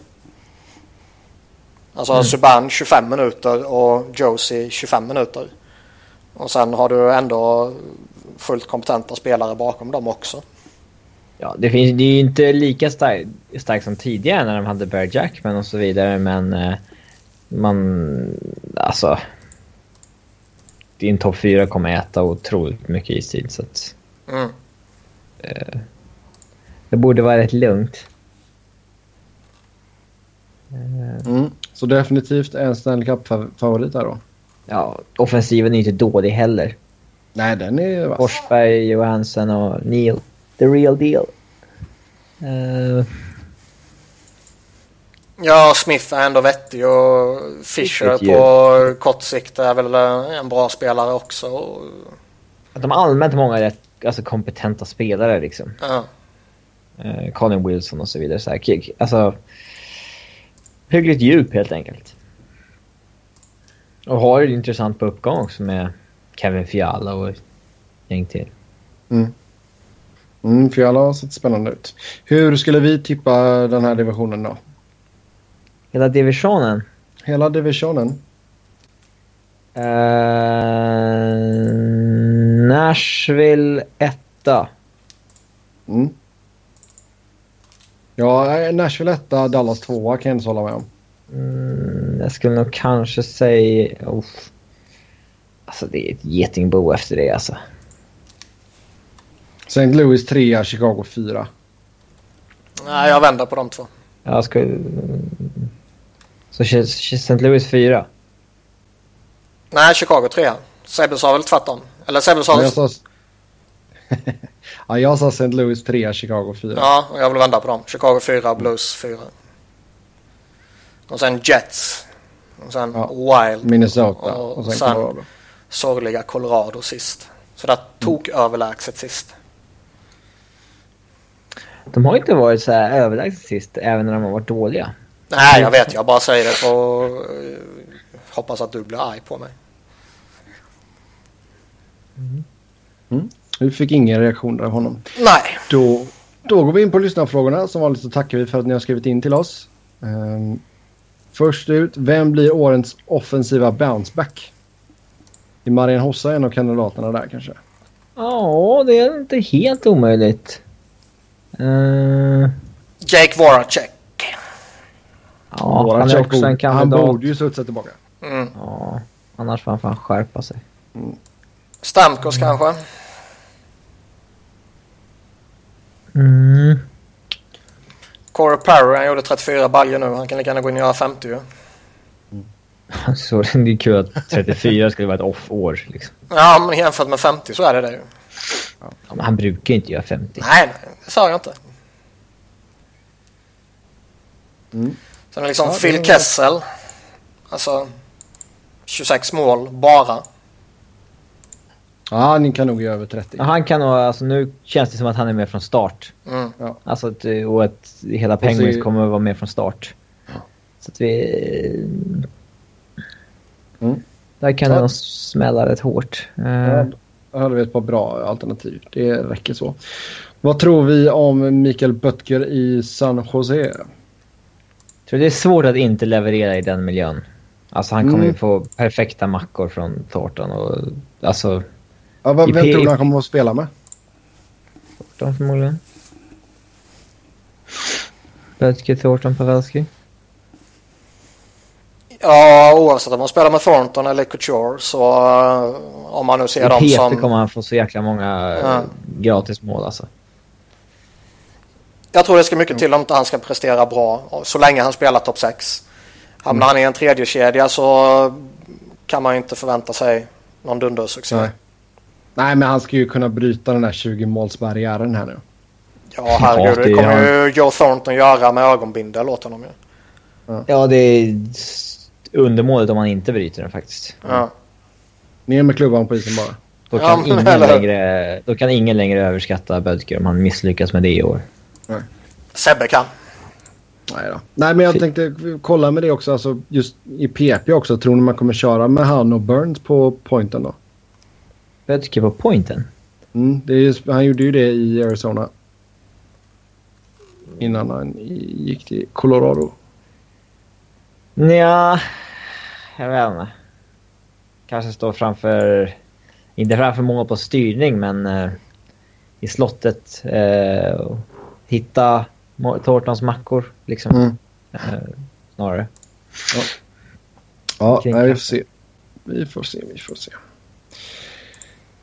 Sen kan Coyotes... Nu har vi fått in Arizona-frågor. Är det Egon som har skrivit in eller vad? kan Coyotes nå slutspel redan i år? Nej. Nej, det blir tufft. Det blir tufft, jag säga. Vad ska ni göra för någon deal denna säsongen? Jag vet inte. Vi har fortfarande inte bestämt straffet för förra året, vilket är bedrövligt. Ja, vi måste bestämma oss från början den här gången. Men nu, Ja. nu, nu tror ju jag på Arizona, så att det är ju konstigt för mig att tippa... Men sen samtidigt, alltså titta på lagen som gick till slutspel denna säsongen. Dallas, St. Louis, Chicago, Anaheim, LA, San Jose, Nashville, Minnesota. Ja, det är kanske Minnesota man kan plocka bort Jag tänkte därifrån. säga det. Och det, då, är, det är nog det enda laget. och då kommer liksom Winnipeg underifrån också. Som jag kanske i, i dagsläget skulle hålla snäppet före Arizona. Jo, men det är väl lite det. Alltså Winnipeg och Arizona. Liksom, vem kan få sina yngre spelare att göra störst avtryck snabbast? Liksom? Och helt ärligt, vem vet vad som händer i Edmonton? De kan gärna gå till slutspel. Som de kan komma sist igen. Ja. Och man, och man kan ju inte heller alltså helt räkna ut Colorado heller med den ko- unga core man har och ny coach. Alltså, det, är- det är alltid något lag som bouncear tillbaka liksom, eller bouncear upp med ett coachbyte. Eh, det är jävla konkurrens i Western alltså. Ja, Cal- Calgary kan lika gärna gå med slutspel också. De, de är ju en sån där flummigt lag också. Men jag tror Åh. man kommer ta fler poäng än vad man gjorde förra säsongen. Så mycket kan jag säga. Ja, man är ju bättre i år så det vore ju märkligt. Ja, du vet hur det var Alltså mycket, det är mycket bättre i år. Liksom. Ja, eh, sen hade vi en till Arizona-fråga och det var vem gör flest poäng i Coyotes denna säsongen? Så att Blåvitt har tappat 2-0 till 2-2 mot Häcken här på fyra minuter. John Ovieri Al-Hassan Kamara. Eh, Arizona poängkung. Mm. Lots Pavel Datsuk. grass. Eh, Nej, det blir nog Olle i år igen tror jag. Det blir väl han eller så blir det väl någon av de unga, alltså Domi eller något sånt där. Ja, det skulle vara Dome i så fall. 50 poäng liksom eller något sånt där. Ja. Ja, men det så går vi vidare. Ja, nu... Nu har vi pratat för mycket Arizona. Ja, exakt. eh, Topp 5-listan av Jim Bennings sämsta trade ska ni få eh, prata medan jag försöker lugna ner den här. Just det, den här borde vi ju studerat innan. Men grejen är att... Uh, Gudbranson-traden tycker jag ju kom in. Han plockade in Gudbranson och fifth rounder till Vancouver då och skeppa Jaron McCann en second rounder och en fourth rounder. Liksom man betalar ett dyrt pris för att få Eric Branson. Där måste Ja, man ju, en, ja, där håller jag med. ja, där måste man ju hängas för ju. Var det Stella eller Robin? Det var Robin. Eh, Ja, ja, skitsamma. Du Ja. slog tån i någonting. Nej, jag hade... Jag hade korsat benen över varandra och skulle ändå åka in under skrivbordet med eh, knäna. Och ja, knät är lite högre upp om man har korsat benen. Ja. Ja. Åh. Ja, det är bra. Du dunkade i knät och klämde pungen. Ja, det inte- ja, det var mest knät som gjorde ont där då, men nej. Eh, på tal om pungen så måste man ju nämna Derek Dorsett också. Han tar ändå in den galningen och hivar upp ett jävla kontrakt till honom och betalar third rounder för honom. Även om du i tredje rundan är långt ifrån att få en liksom, garanti på att du får en eh, NHL-spelare så tar jag hellre en chans i en tredje runda än ta in Derek Dorsett. Ja, de eh, tredjedelsval för alltså de fem sämsta kan man ju nämna. eh, Vi kan sen, dra fem sämsta och sen rangordna någon, eller någon, kora någon vinnare. Man har ju, du har ju Brandon Sutter och third rounder till Vancouver. Ja, den är en klassiker. Bonino, Adam Glendening och eh, second rounder. Jag tycker ju man måste slänga in när han skeppar iväg Gustav Forsling för att ta in Adam Glendening Ja. och sen bara hiva iväg honom igen. Ja, Forsling kommer ju bli bra alltså. Det är inget snack om saken. Han kommer bli riktigt bra. Eh... Alltså Ke- Ke- Kessler-traden var ju faktiskt inte dålig där och då. Kessler-traden tycker jag väl är bra. Problemet var att man sen slösade bort Bonino. Ja, eh, och att man kanske borde targetat en annan back i dags än Spisa. Jo. ja. Eh, men man fick ju en first rounder för honom. Mm. Jag Det är tycker... en bra trade och sen så skickade man ju Garrison mot ett andrahandsval. Uh, det är också en okej trade. BX mot andrahandsval också okej trade. Ja, ja. Eh, hur, hur förhåller vi oss till när han skeppar iväg eh, Shinkaruk mot Granlund? Det kändes bara som det var liksom, nej nu är vi trött på det, försvinner härifrån. ja. Ja, och det, det är svårt. Det är svårt att säga att det tog fel med, innan vi har facit på hand. Nej, nej, men eh, Eh. ska vi säga något idag så känns det ju väldigt konstigt. Ja, verkligen. Nu är vi oss där. Men, men den sämsta... De två Good sämsta är ju Good Branson och Sutter-traden. Ja, Vilken av dem som är sämst? Mm. Det är ju inte bara tradespelning han gjort dåligt heller. Det är liksom UFA-beteenden och skit som... Alltså kontrakten han skriver med vissa spelare är helt absurda. Eh, eh, men jag skulle nog säga... Good Branson-traden är nog fan sämre. För Jared McCann är ändå en av få unga prospects man hade. Och man binder ihop honom med ett andrahandsval och ett fjärde för att få liksom en, En good Branson. Ja. en back för tredje par. ja. Ja. Jag är redo att hålla med där. Vi går vidare. Hur mycket McCann tror har ju ni... så mycket högre potential än Bonino som han skickade iväg. Även om det var en dålig trade också. Ja. Nästa fråga här. Hur mycket tror ni coacherna har att säga till om i förhållande till i GMs i laguttagningar? Där tror jag coacherna run the show ganska ofta faktiskt. Mm. Ehm, här beror det ju på lite om frågan syftas mot NHL eller World Cup. Ja, det vet vi inte. Eller tror vi samma svar? Nej, jag tror ju GMsen har väl större inflytande på en World Cup-trupp än vad de kanske har i NHL. Jag skulle säga tvärtom. Alltså?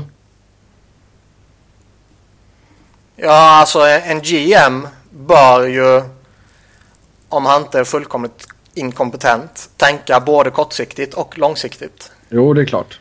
Medan en coach egentligen bör tänka kortsiktigt.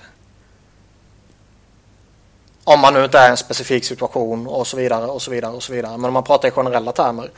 Alltså, Men- lag, men- vänta, mest för att vänta, vänta, vänta, vänta, vänta, vänta. Hur för... Alltså jag tänker alltså kedjor och grejer nu. Eller menar du truppen? Ja, jag menar truppen. Jaha okej. Ja, ja, då är jag med dig.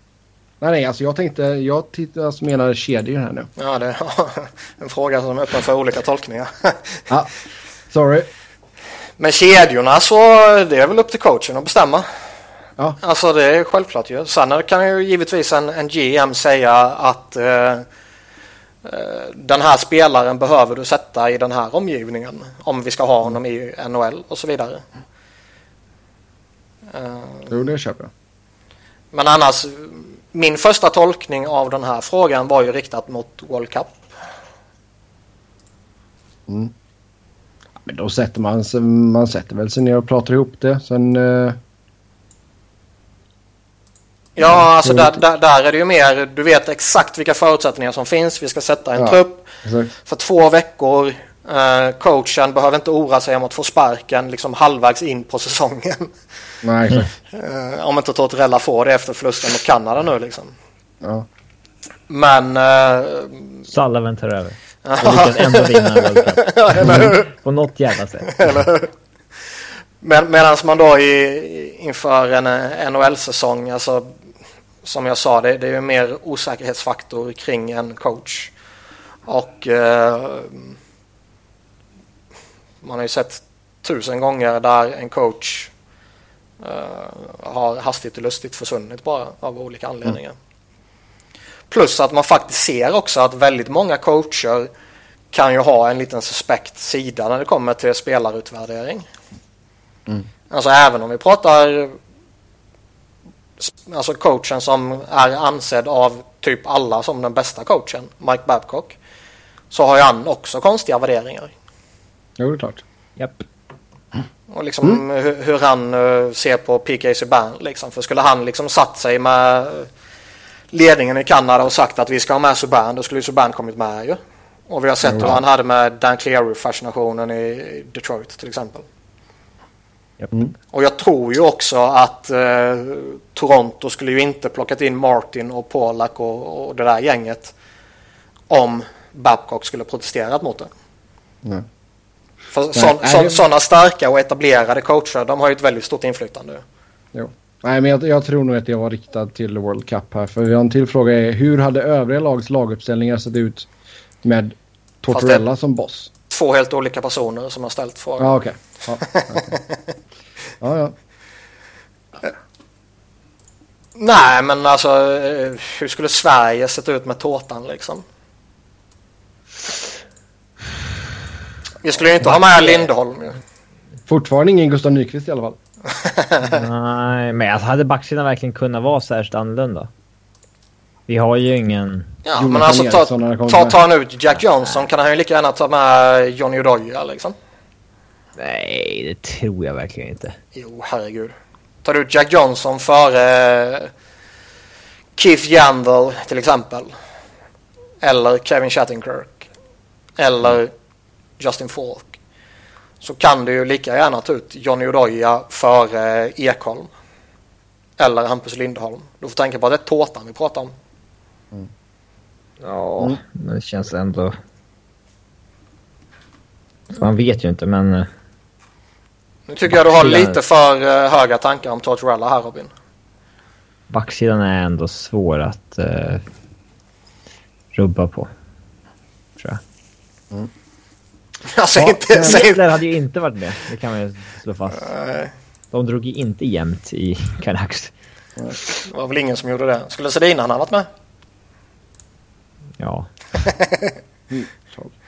Ja, eh, diskutera gärna stora RFAs. Eh, vad landar de för på Capit och kommer någon att skeppas? Så om vi tittar på RFAs, det är inte så många kvar ändå. Ehm, Johnny Goodrow. Kan vi börja med, han kanske är störst av alla namnen. Jag skulle säga han är minst. Ja, storleksmässigt sett ja. Brumpum. Så Men vi pratade om han förra veckan ju och landade någonstans kring uh, Monahan-pengar ju. Mm. Sju, åtta någonstans lär det nog handla mellan. vad har vi? Vi har Gaudreau, vi har Kucherov. Eh, Kucherov och Johnny Hockey kan man väl jämföra på något sätt. Känns jag, kan rabbla upp, jag rabblar upp lite namn nu. Dmitri Orlov, Rasmus Ristolainen, Nitushkin, Gaudreau, Lindholm, Truba, Rakell, Toby Reader, Nesterov, Kucherov. Ja, det är väl de typ.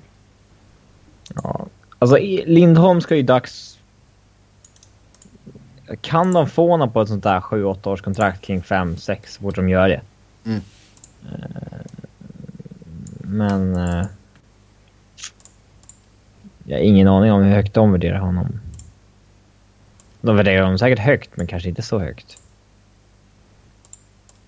Alltså... Mm. Jag vet inte, alltså tittar du på deras backsida så... Ja, men jag, tar, jag, jag tar ju, ja, jo, jag menar jag tar ju nog hell, jag tar ju Lindholm före jag tar Vatanen till exempel. Ja, han är deras bästa back. Det är inget snack. Mm. Efter att, han ska över, att han ska över fem känns väl ganska logiskt. Ja, men... Grejen är att har, har det tagit så här lång tid Alltså grejen, skulle de varit nära så skulle det här lösa sig innan World Cup liksom.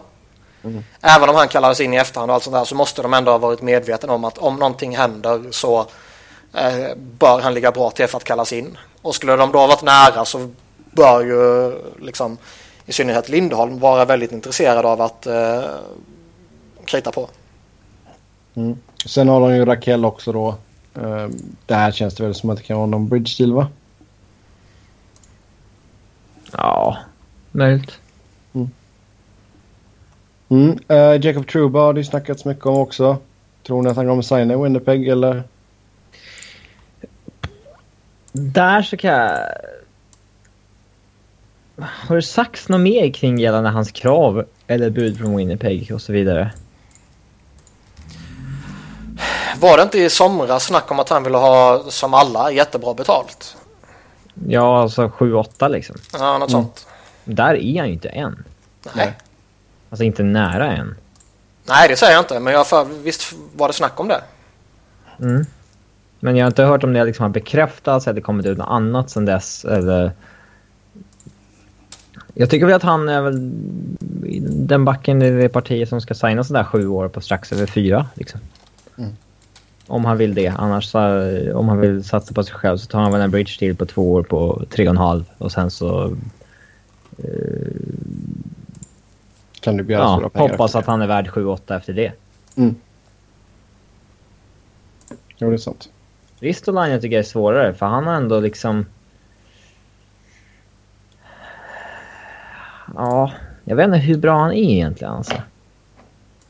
Det är ju bra jag vet inte om man kommer bli den här liksom Norris-klassbacken alltså. Det är... Han kommer ju vara en back för ett första par. Ja. Mm, men ja. Ja, det är... Kanske inte varit lika säker på att signa honom jättelänge om det var jättemycket pengar. Men hade det varit sådär sju år, över fyra... Kalla järnkrok-kontrakt. ja, då hade man ju lätt sign. Men... Äh... Det är ganska många spelare som har signat till det tror jag faktiskt. Mm. Mm. Uh, Niturskin sa vi där, han kanske lutar åt KHL. Um, ehm, ja, det är väl... Det är, skoj, det är skoj när sånt händer när det inte drabbar ens eget lag. Mm. Kucherov får vi prata om också såklart. Ja, hoppas han sticker också. Även om man givetvis vill se de bästa i ligan så är det skoj när, eh, när motgångar för de andra lagen. I synnerhet de lagen som är bra.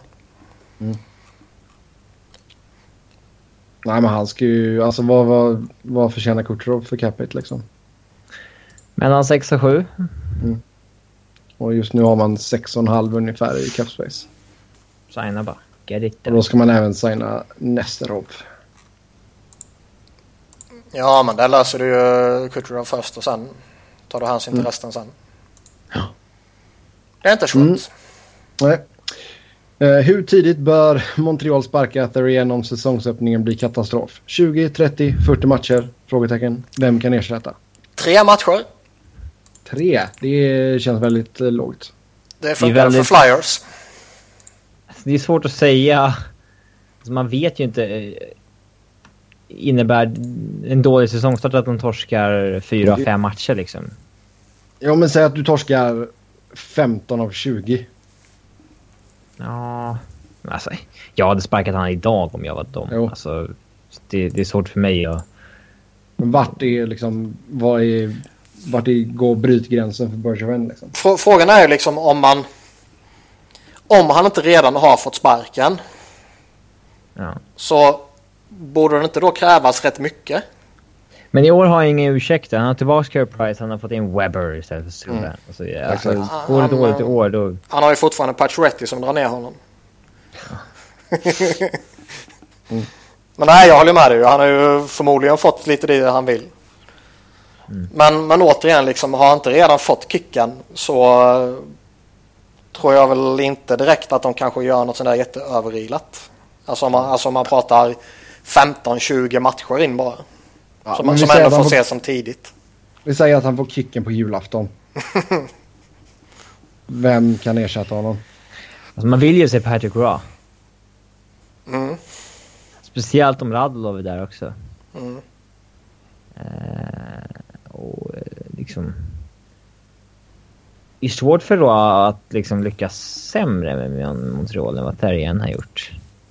Visserligen hade Montreals resultat varit rätt bra, men... Eh, men det är inte tack vare honom. Nej.